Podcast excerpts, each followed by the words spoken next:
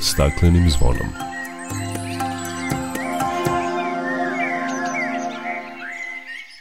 Dobar dan i dobrodošli na Zeleni talas prvog programa radija Radio Televizije Vojvodine. Ja sam Dragana Ratković.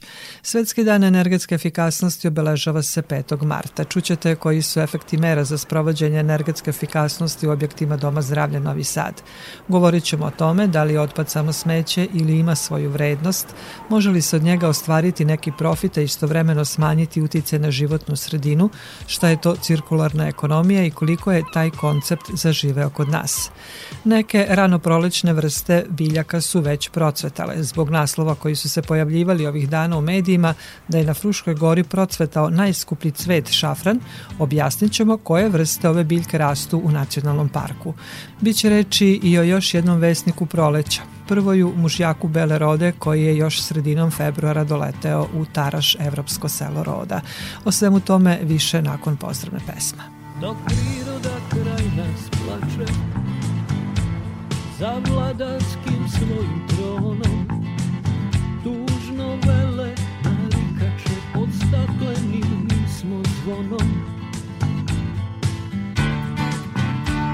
Znaj vazduha više nema sve manje je i ozona. Protiv sebe ide čovek i to često bez pardona uništenju živog sveta kao da su ljudi skloni čovek sam je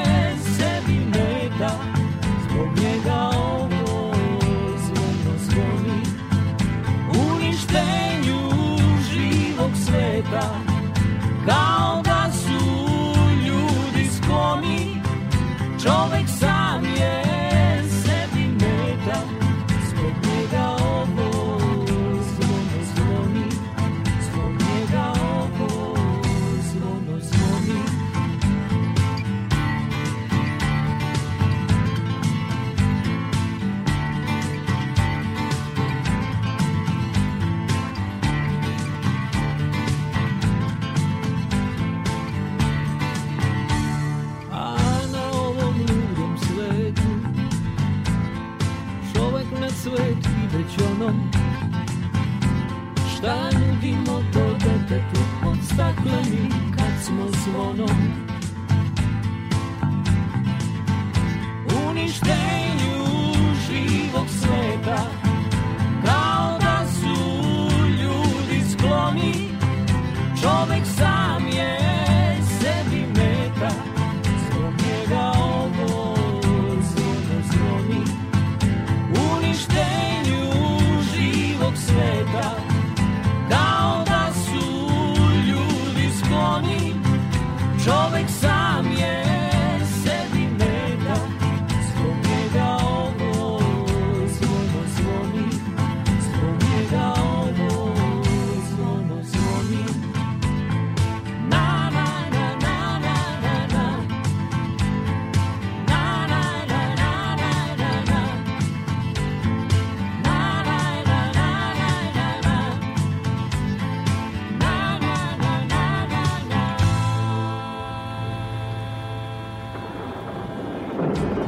Svetski dan energetske efikasnosti obeležava se 5. marta u čast prvog sastanka svetskih stručnjaka na temu energetske efikasnosti koji je održan 1998. godine u Velsu u Austriji.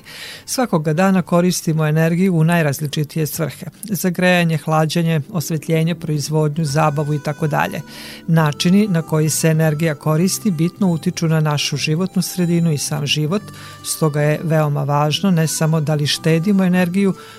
već i da li je koristimo na najefikasniji način.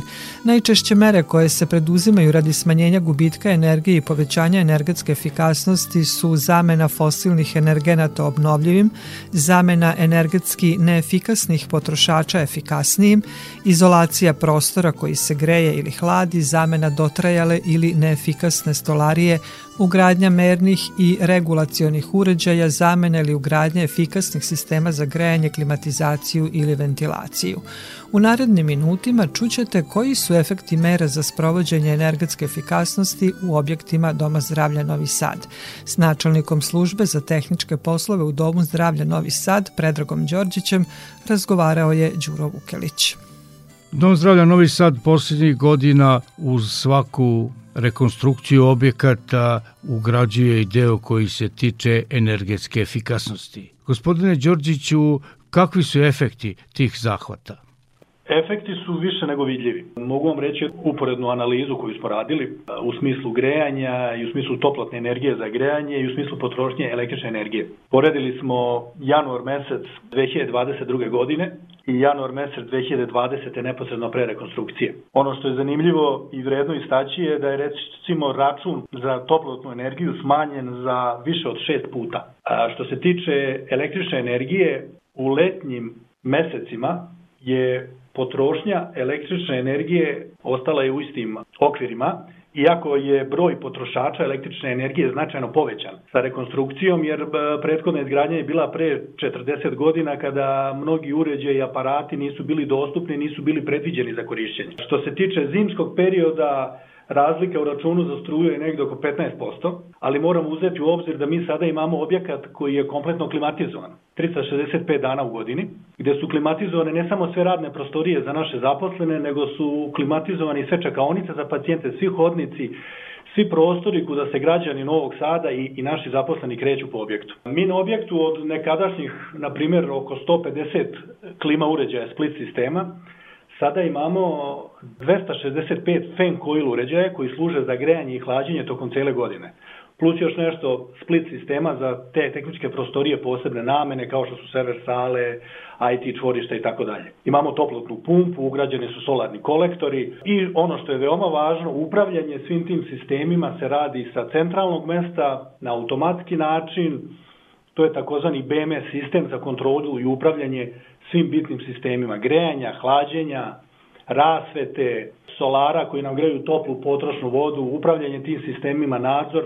I moram priznati da smo mi sa ovom rekonstrukcijom naš objekat na Limanu iz energetskog razreda C preveli u energetski razred B, što znači da smo mi godišnje potrebe za toplotnom energijom redukovali maltene za pola. Sa nekih 65,1 kW sata po metru kvadratnom smo redukovali na 33,33 kWh po metru kvadratnom. Tako da naš rekonstruisani objekat je svrstava se u B energetski razred, čak se veoma približio A energetskom razredu. Dom zdravlja Novi Sad gradi još neke objekte širom Novog Sada i okoline. Koliko će u te objekte, u tu izgradnju, koliko su ugrađeni elementi energetske efikasnosti? i u drugim objektima koji su e, rekonstruisani ili su skoro završeni, kao što je objekat e, Adice, koji je kompletno novi izgrađen, u njemu su ugrađeni veoma slični sistemi, takođe postoje fenkoili, takođe postoji e, svi sistemi što se tiče energetske efikasnosti u smislu fasade, u smislu stolarije, bravarije i tako dalje, u smislu svih tih modernih savremenih materijala, u smislu LED rasvete, Takođe u toku je i izgradnja objekta na Vidovdanskog naselju u kome će takođe biti primljen pri princip toplotnih pupi, fan koila, kompletno led rasveta, znači sve po istom principu kao što je rađeno na Limanu, a isto tako je predviđena i kompletna rekonstrukcija objekta, našeg objekta na Novom naselju, gde je projekat kompletne rekonstrukcije završen po istom principu kao i objekat na Limanu, Takođe u toku je i izrada projekta za rekonstrukciju objekta na Bularu Mihajla Pupina po istom principu u smislu energetske efikasnosti. Tako da sve što radi Dom zdravlja Novi Sad poslednjih godina i sve ono što će raditi, svi naši planovi se odnose ne samo na rekonstrukciju u smislu poboljšanja, popravljanja nekih nedostataka, nego istovremeno i povećanje energetske efikasnosti i smanjenje potrošnje svih vrsta energenata koje mi koristimo u svom svakodnevnom radu. Hvala vam za razgovor i izdvojeno vreme. Hvala vama, prijatno.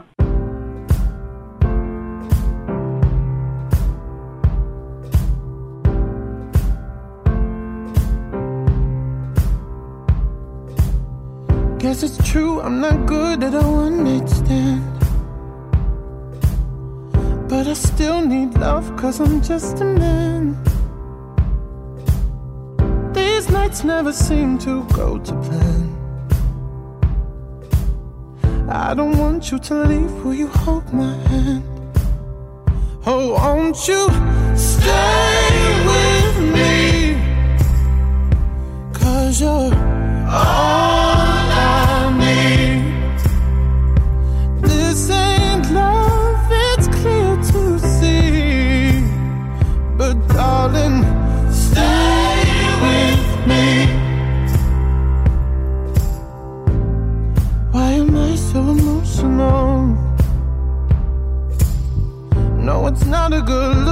some self control. Deep down, I know this never works. But you can lay with me so it doesn't hurt. Oh, won't you stay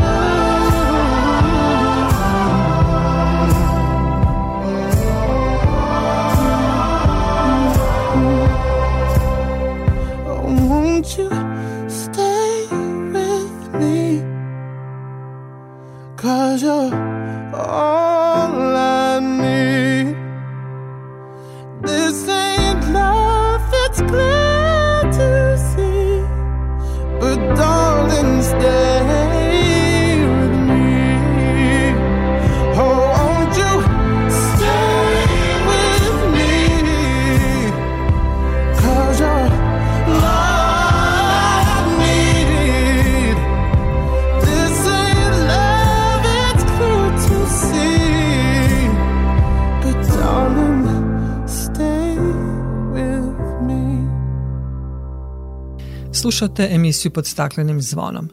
Energetska efikasnost ušteda energije kao i ušteda resursa deo su i sledeće priče. Naime, protekle sedmice EU Info Kutak Novi Sad započeo je seriju događaja posvećenih zelenim temama.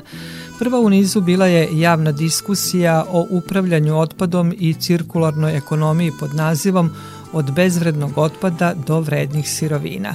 Da li je otpad samo smeće ili ima svoju vrednost, može li se od njega ostvariti neki profit, a istovremeno smanjiti uticaj na životnu sredinu, šta je to cirkularna ekonomija, koliko je zaživeo koncept cirkularne ekonomije kod nas, pitanja su o kojima je razgovarano na skupu u Pokrajinskom zavodu za zaštitu prirode.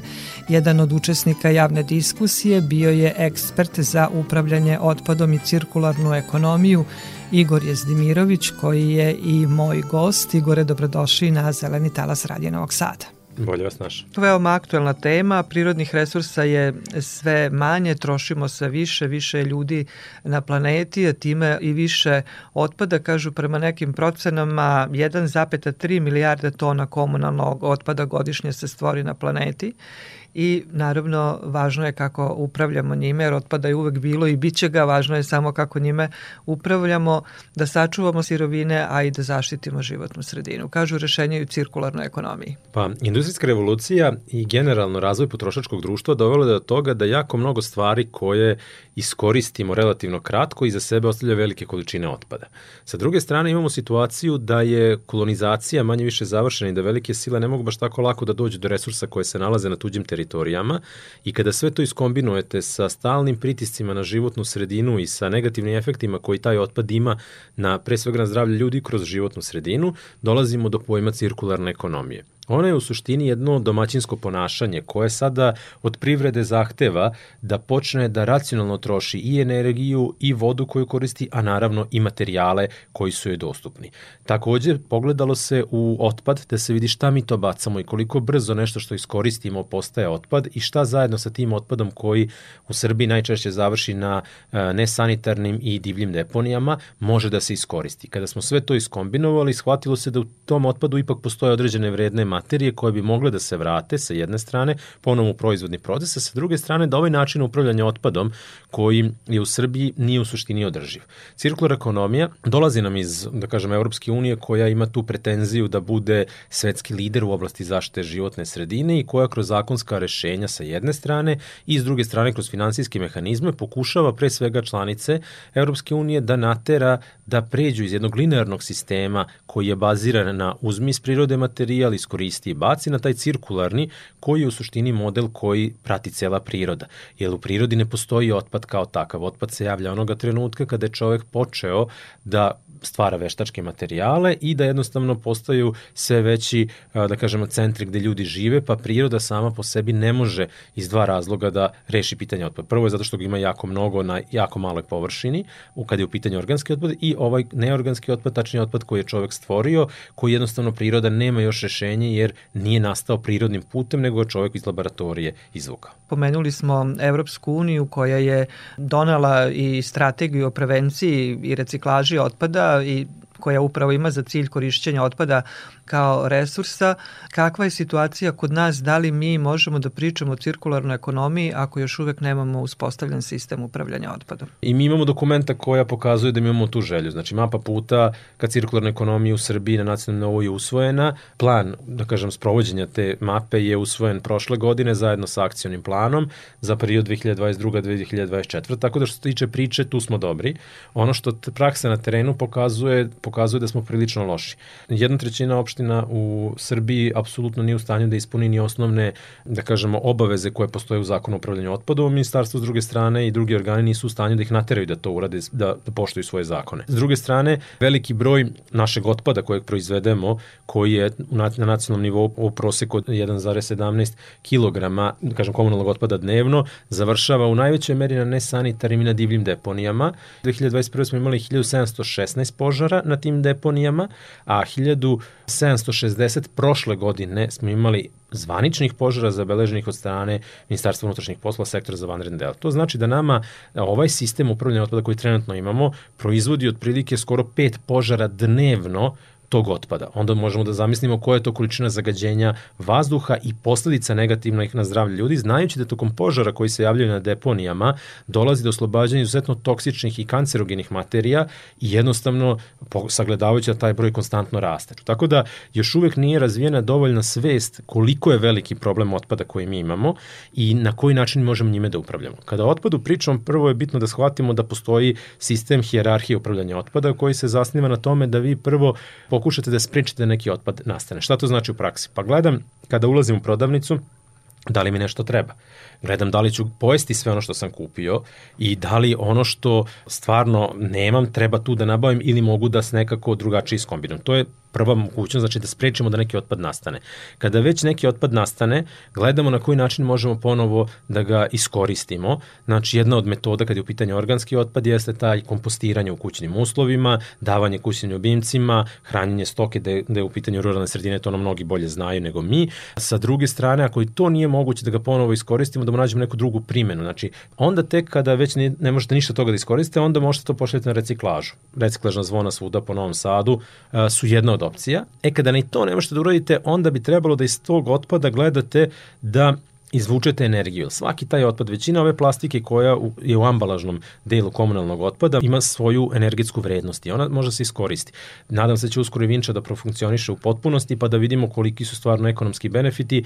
Incineratori kao takvi nisu nepoznati unutar razvijenih zemalja Evropske unije. Kod nas je ovo prvi incinerator i verujem da će dati pozitivne efekte jer kako god okrenete u oblasti upravljanja otpadom u toj hijerarhiji dobijanje energije iz otpada dolazi pre deponovanja. Deponovanje je nažalost nažalost, zadnji korak koji treba u toj hijerarhiji da radimo, a kada pogledamo sistem upravljanja otpada u Srbiji, skoro najveći deo odlazi upravo na deponije. S obzirom na, na situaciju u kojoj jesmo, gdje uvek nemamo izgrađen i uspostavljen sistem upravljanja otpadom, u Evropi se sve ubrzanije ide ka tom prelasku sa linearne na cirkularnu ekonomiju i tu je cirkularna ekonomija u povoju, ali u odnosu na ovu ekonomsku energetsku e, krizu i klimatsku krizu, taj proces je nešto ubrzan. Gde smo sada tu mi i u odnosu na zemlje regiona s obzirom da, da je situacija ovakva kakva jeste? Pa, kod upravljanja otpadom i gledano cirkul ekonomije, to je uvek tema velikih brojeva. Znači, ako imate od veliku količinu neke vrste otpada koja je dobro selektovana, vi s njom nešto možete da uradite. Možete da planirate razvoj postrojenja za njegovu preradu i dobijanje novih proizvoda, tačnije reciklažu. Ali ako imate male količine otpada, niste baš u nekoj pozitivnoj, da kažem, pozitivnoj poziciji, već to morate ili da izvozite ili da vidite na koji način ćete da zbrinete. Mi trenutno kao najveća zemlja regiona imamo mogućnost da razvijemo sistem upravljanja otpadom, kako komunalnim, tako i industrijskim, i da pokušamo da budemo upravo, da kažem, mesto skupljanja svega toga da bi se ta pozitivan element iz otpada mogli iskoristiti. Da li ćemo tome uspeti ili ne, zavisi u dobroj meri od zakonske regulative koja je u procesu. Opet sad izmene i dopune, evo, ja mislim da treći put da menjamo zakon o upravljanju otpadom, a nadam se da ćemo uskoro dobiti i novi, tako da se nadam da će to biti, jer to će u velikoj meri doprineti nama da možemo da funkcionišemo u smeru cirkularne ekonomije i zelene industrije, a sa druge strane, ono što je potrebno jeste da se razvije određena infrastruktura koja će omogućiti i saradnju privatnog sektora s javnim preduzećima, jer vrlo često privatni sektor je pragmatičniji po pitanju ekonomizacije cele priče i efikasnosti cele priče, tako da verujem da je to neki put kojim, kojim će se ići. Naravno, sve to zahteva jako veliku pažnju kako javnosti, tako i civilnog sektora i finansijsku, i finansijsku podršku, naravno. I tu možemo, ja mislim, očekivati jako mnogo toga od Evropske unije, jer već sad vidimo da recimo kroz neke programe koji su namenjeni individualnim poljoprivrednim gazdinstvima i prerađevičkoj industriji u oblasti poljoprivrede, oni prepoznaju sisteme za upravljanje otpadom kao sisteme koje oni žele da finansiraju, isto tako kao i sisteme za iskorišćenje obnovljivih izvora energije i za preradu otpadnih voda. Tako da ti finansijski mehanizmi sa jedne strane sa znanjem koje postoji u još uvek u Srbiji može da se iskoristi da se financije povuku i da se ovaj trenutni sistem koji postoji u Srbiji napredi i dovede bliže cirkularnoj ekonomiji. S druge strane, privreda je svesna vrlo jednostavno da ukoliko ne bude mogla da ispuni neki od zahteva koje Evropska unija postavlja pred svu privredu, neće moći da izvozi na njihovo tržište. Znači, to je pod broj jedan da pokaže konkurentnost. konkurentnost, jeste da pokaže koja je to količina emisija gasova sa efektom staklene bašte koja je svaki kroz svaki proizvod je emitovan i s druge strane jeste koliko je taj proizvod proizvod koji se pušta na njihovo tržište je usklađen sa propisima za ponovnu popravku ili dekompoziciju. Tako da to je nešto na što moramo da računamo, da jednostavno će privreda povući celu cirkularnu ekonomiju i taj deo koji se toga tiče, a da ćemo mi kao građani morati da tražimo od naših donosioca odluka i komunalnih preduzeća da što pre reše pitanje otpada, komunalnog pre svega, jer ovakav način sa ovim brojem požara i ovim zagađenjem koje nastaje definitivno direktno pogađa sve nas. Da, prvenstveno moramo da shvatimo otpad kao komunalno zdravstveni problem, pa tek onda kao, kao sirovinu. Koliko samo još, evo za kraj možemo mi kao građani da se uključimo u to, da damo zamajac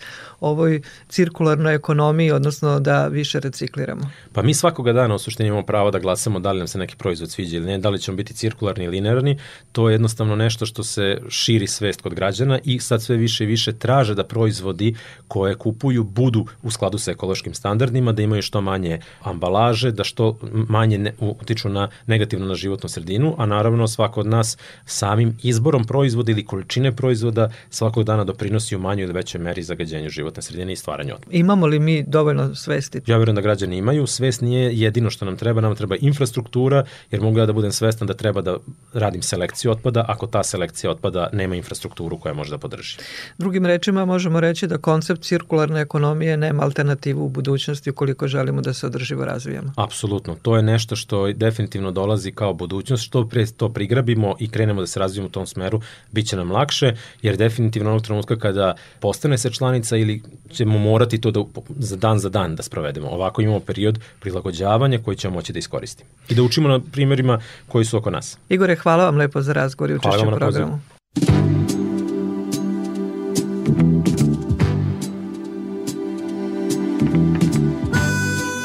Slušate emisiju pod staklenim zvonom. Na skupu posvećenom upravljanju otpadom i cirkularnoj ekonomiji prikazana je emisija iz serijala Zelena patrola na delu od bezvrednog otpada do vrednih sirovina kao primer cirkularne ekonomije. Naime, emisija govori o tome kako od žetvenih ostataka pšenice, suncokreta i kukuruza možemo dobiti vredne sirovine koje mogu poslužiti za proizvodnju drugih proizvoda. Reč je o projektu koji finansira Fond za nauku, a njegov akronim je FagroWaste. Kaže za našu emisiju rukovodilac projekta Zoran Maksimović sa Farmaceutskog fakulteta u Beogradu. Suština ovog projekta je zapravo upravo to što ste rekli, kako od jednog bezbrednog e, otpada kao što je poljoprivredni otpad napraviti nešto što ima veliku dodatnu vrednost. Mi smo ustanovili da bi proizvodnja mikrokristalne celuloze i drugih derivata celuloze mogla da bude izuzetno zanimljiva i značajna i da bi sva ta neka naša istraživačke napori koje ulažemo u ovom projektu su stvari usmerene prvenstveno ka tome. Šta se sve može dobiti od slame recimo koja se na našim njivama u većem delu spaljuje? Pored e, mikrokristalne celuloze koju sam pomenuo, moguće je dobiti razne druge e, hemijske sastojke, kao što su recimo voskovi, zatim polifenolni sastojci, i druge materije koje bi mogle da imaju veliki značaj za farmaceutsku i hemijsku industriju. Ovo su u stvari najznačajnije, ali istraživanja su, kao što sam rekao, u toku. Ja još uvek ne znam šta bi moglo da se iz ovog projekta izrodi. Za sada znamo da su da, mikrokristalne celuloze i voskovi nešto na čemu ćemo insistirati i na čemu ćemo u stvari najveći akcenat i posvetiti. Mi smo za sada zadovoljni rezultatima koje smo dobili, a vidjet ćemo u nekom budućem periodu šta će konkretno da se izradi svega toga.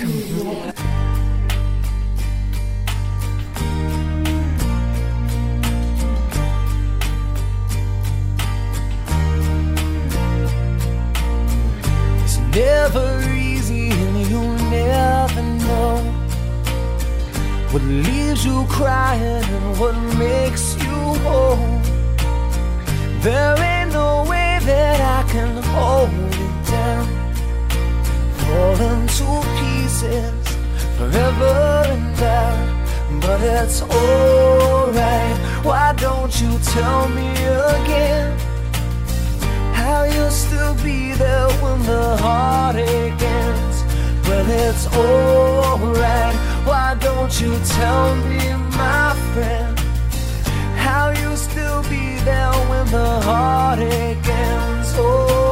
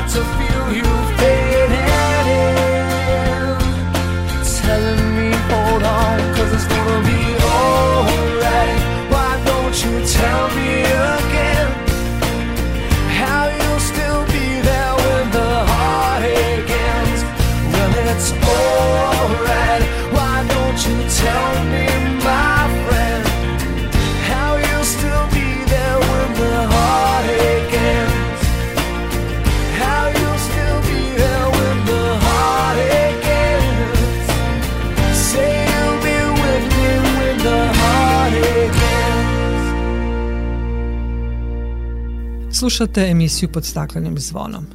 3. marta obeležen je Svetski dan divljih vrsta posvećen biljkama i životinjama, ali i njihovim staništima i svim drugim ekološkim problemima koji utiču na njihov opstanak. Ove godine navršava se 50 godina od kako je na taj dan potpisana konvencija o međunarodnoj trgovini ugroženim vrstama divlje flore i faune, zbog čega je simbolično i izabran za datum ovog svetskog dana. Prema podacima Svetske fondacije za prirodu od 1970. godine do danas zabeležen je pad od oko 70% u populacijama divljih vrsta. Na crvenoj listi IUCN-a ima više od 42.000 ugroženih vrsta, što je 28% svih vrsta flore i faune.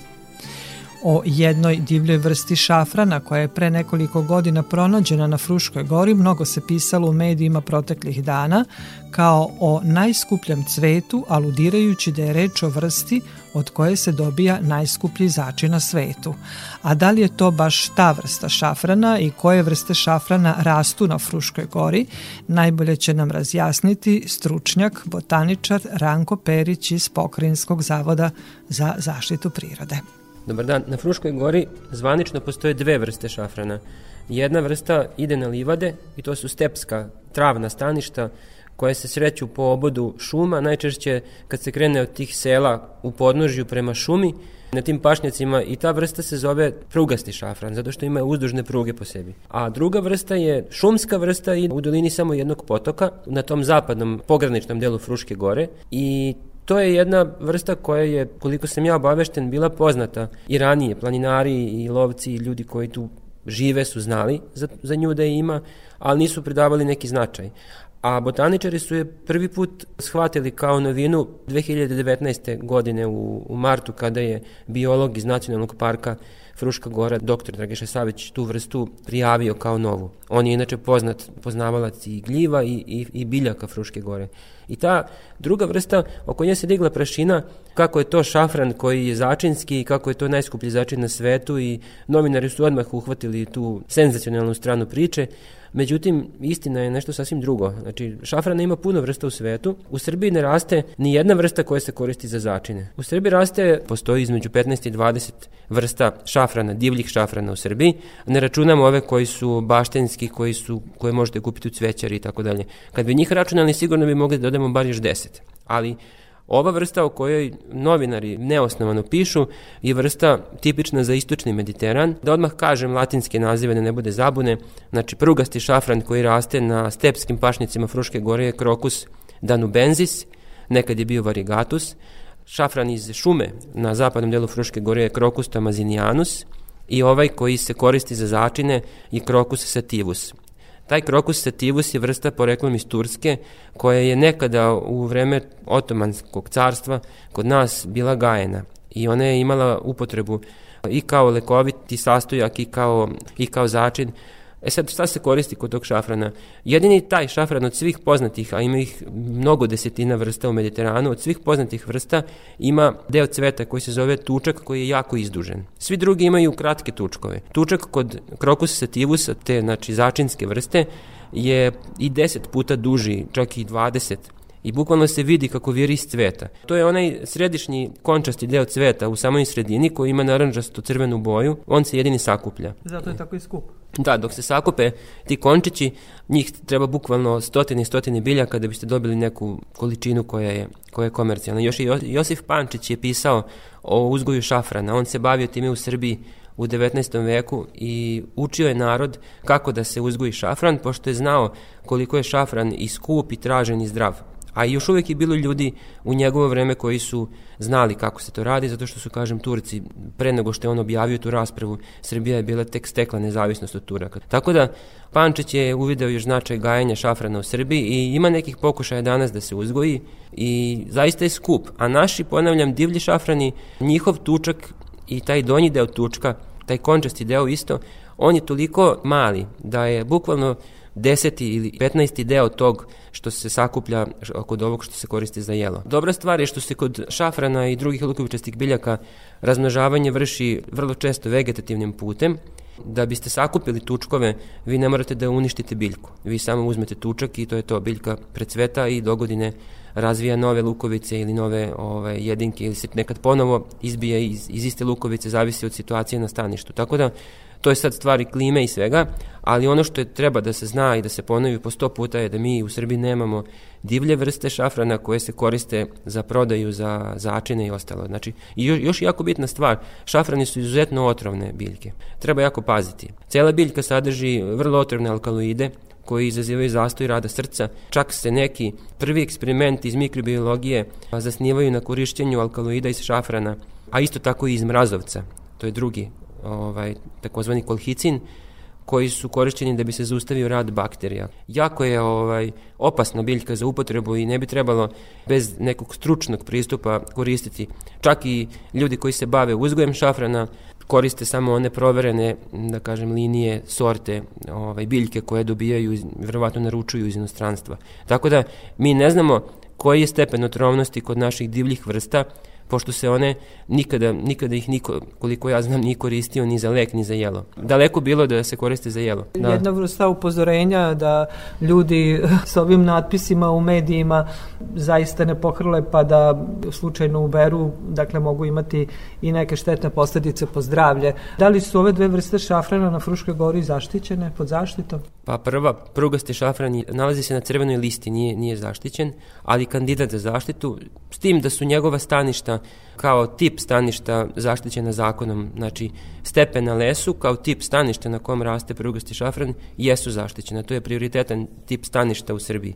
A sama biljka za sada nije, ali postoje naznake da bi mogla da se nađe na listi zaštićenih ili strogo zaštićenih zato što je nedavno urađena jedna molekularno-taksonomska znači naučna analiza statusa vrste i utvrđeno je da mi u stvari imamo jednu posebnu varijantu prugastog šafrana koji se zove dunavski prugasti šafran ili Crocus danubenzis i on je tipičan za, za ovaj deo kontakta Balkana i, i Panonske nizije.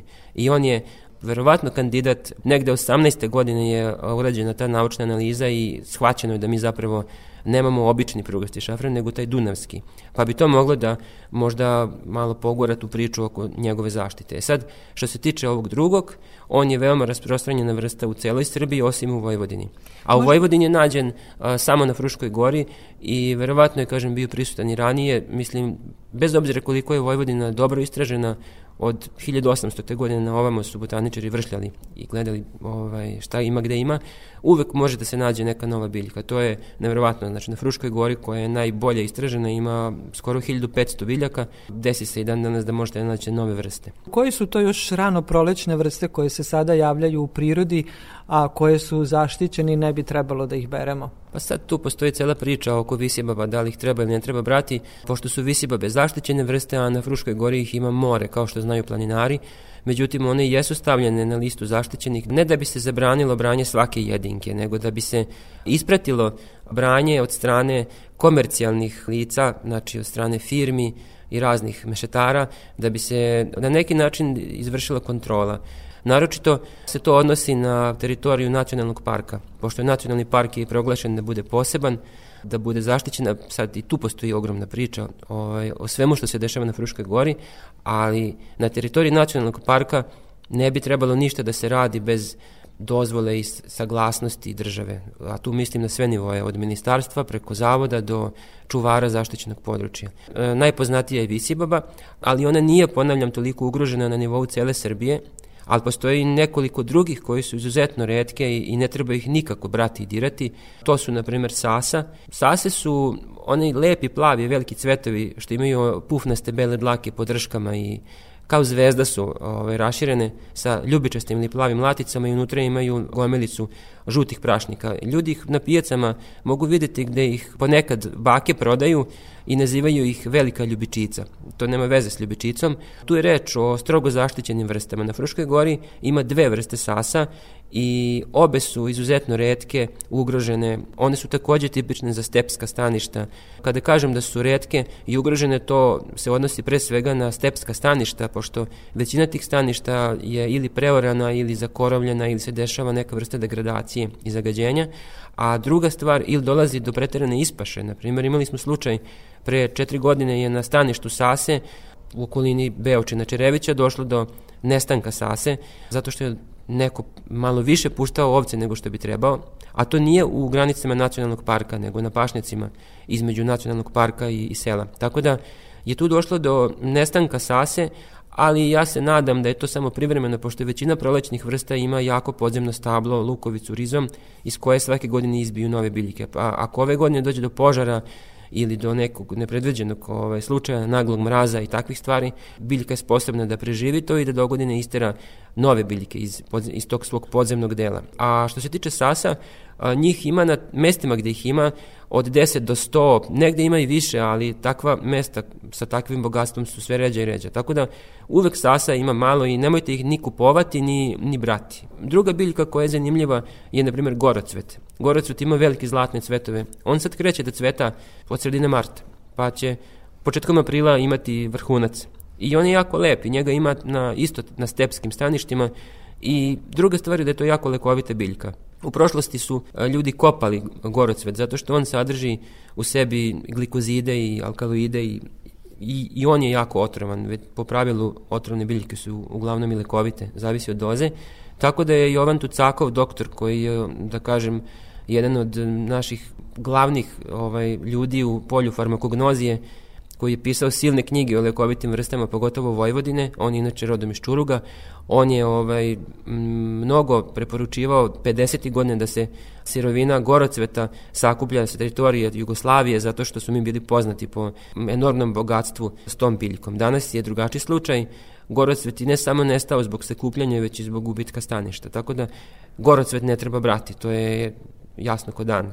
Visiboba je po slovu zakona ne bi trebalo da se bere, iako je ima dosta, A što se tiče ove dve vrste, nemojte ni pomisliti, pošto one su izuzetno redke i ugrožene. Postoji čitav niz biljaka, prolećnica, koje su redke i koje se često mešaju sa ovim češćim, pa se čini da ih ima svuda. Druge vrste, druge prolećnice, to manje više svi znaju. Imamo procepak ili niksicu, imamo mnoge vrste mlađa, to su oni lepi što liče na orhideje, mogu biti sa belim cvetom, sa ljubičastim, sa žutim plućnjak i tako, to su te neke prve prolećine. Sad je aktuelna šumska flora, zato što u rano proleće, kada još šuma nije olistala, se javljaju te prolećnice efemerne vrste koje su prilagođene na uslove sa puno svetla. To su vrste svetlosti. I one bukvalno završe svoj životni ciklus pre nego što šuma ulista. Kada se stvori lišće i senka, onda one završavaju svoj ciklus i miruju do proleća. Hvala vam Ranko, mnogo smo toga naučili što ste nam ovako razjasnili neke stvari. Hvala vam najlepše još jednom za razgovor. Nema na čemu, hvala vam.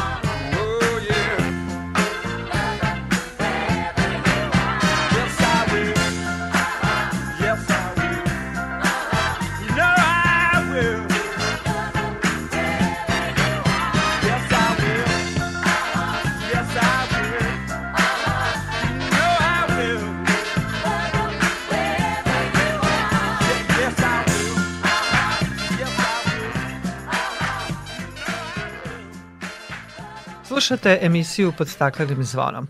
Da je proleće sve bliže, na to nam ukazuju i vesnici ovog godišnjeg doba, a jedan od njih su i rode. Ove godine prve rode stigle su ranije nego što je to uobičajeno. U Taraš, koje je 2015. godine proglašeno za evropsko selo roda, jer je imalo najveći broj gnezećih parova u Evropi, po 11. put prvi je stigao prvoje. Tim povodom sa nama predsednica Udruženja Taraške rode Aleksandra Marovac-Cucić. Aleksandra, dobrodošli na Talasa Radio Novog Sada. Dobar dan, bolje vas našli. Aleksandra, 11 godina uzastopno prvi u selo stiže prvo je, a ove godine stigao je ranije od kada se prati njegovo kretanje. Prošle godine prvo je stigao 13. marta. Da li vas je to iznenadilo? Pa jeste, očekivali smo ga nešto ranije. Videli smo te neke rode koje se prate da stižu ranije, ali on je ove godine stigao 16. februara još, tako da je to baš naj, najraniji dolazak njegov, ja mislim, u Srbiji, sad ne znam tačno, ali eto tako, mi u Tarašu kod nas to je najraniji njegov dolazak.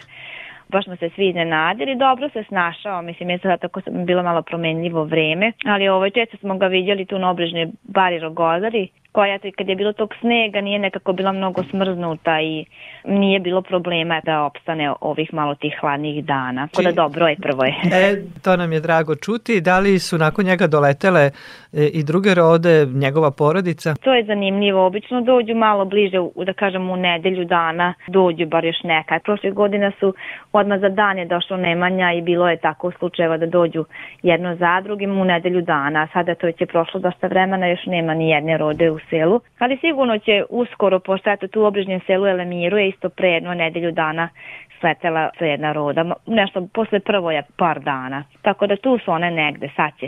Stižu. Da li ove godine organizujete doček roda? Tradicionalno, to već eto kod nas u Tarašu, bit će 11. marta u saradnji sa osnovnom školom Svetozar Marković Toza. Sa našom decom ćemo eto 11. put odneti simboličan pehar kod prvoja i postavit ćemo jednu platformu novu za gnezo koja je sagradio jedan par prošle godine na jednoj novoj banderi, tako da ćemo tu ovaj, postaviti sa elektrodistribucijom Zrenjani jednu novu platformu. Imaćemo, da kažemo, jedan edukativan sadržaj, bit će nam gost Dječja ekološka akademija upravo baš iz Novog Sada, pravit će jednu radionicu za decu koja će biti edukativnog karaktera. Delit ćemo ordenje za plemenitost i ove godine meštanima koji su prošle godine brinuli o rodama. I tako, nekako je to sve neka forma koju pratimo godinama, ali uvek bude začinjena nekim novitetima. Ništa veliko, ništa spektakularno, ali lepo i da kažemo onako od srca za našu decu i za, i za ljubitelje roda. Aleksandra, koliko su roda promenjile život meštana Tutarašu od kada su postale zaštitni znak sela? U tom pogledu došlo je do većih promena, ljudi su sad svesniji da to stvarno jeste nešto po čemu je Taraš prepoznatljiv.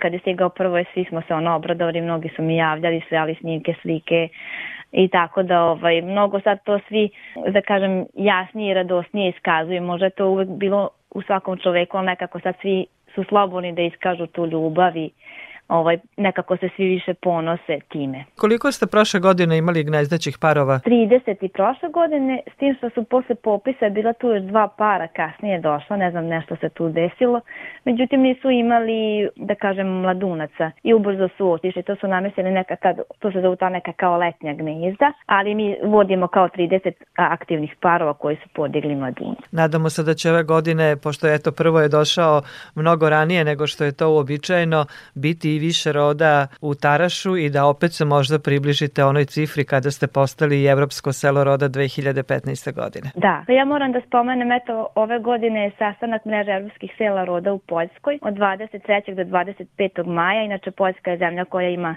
najviše belih roda na svetu, pošto je i velika i po površini. Vidjet ćemo da ćemo moći da odemo kao delegacija. Oni su kod nas bili prošle godine i moram da kažem da, zahvaljujući gradu Zrenjaninu, eto, uspeli smo da se pokažemo kao odlični domaćini. Svi su se oduševili i Zrenjaninom i Tarašom i našim rodama, a što vi kažete, nadamo se da će se i one eto vratiti u većem broju i da ćemo svi zajedno uživati u Tarašu. Aleksandra, hvala vam lepo za razgovor i učešću u programu Radio Novog Sada i verujem da ćete e, dostojno dočekati i ostale rode e, u vašem selu i da ćete im e, biti uvek dobri domaćini. Hvala najlepše.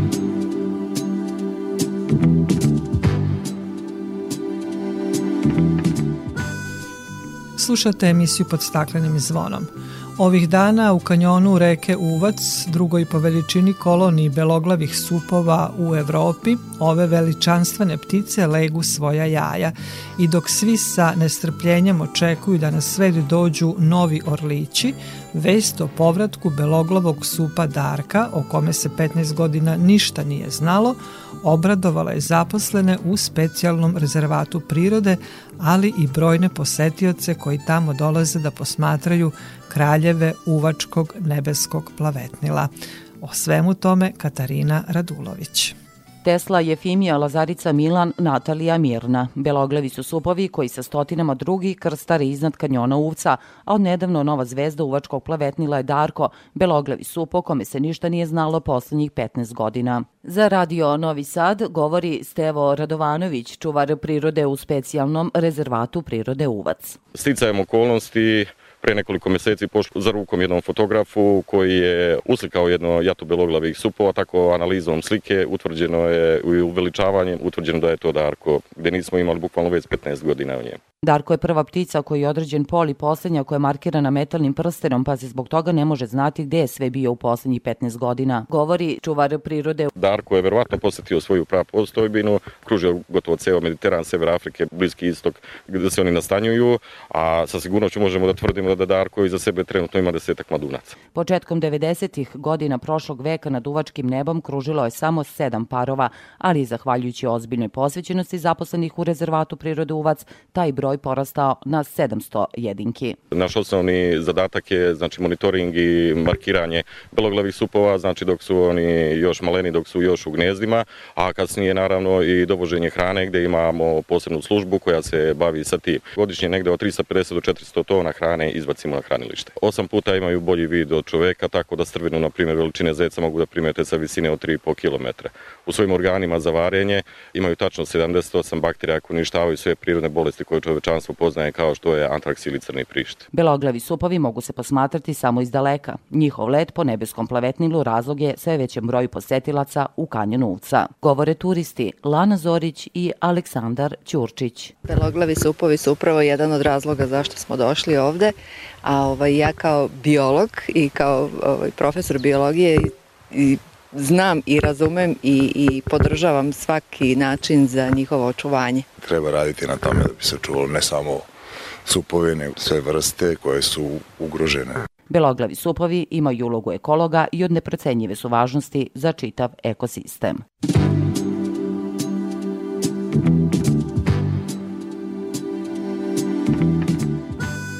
Toliko u ovom izdanju emisije pod staklenim zvonom koju možete slušati i odloženo na podcastu Radio Televizije Vojvodine na adresi rtv.rs.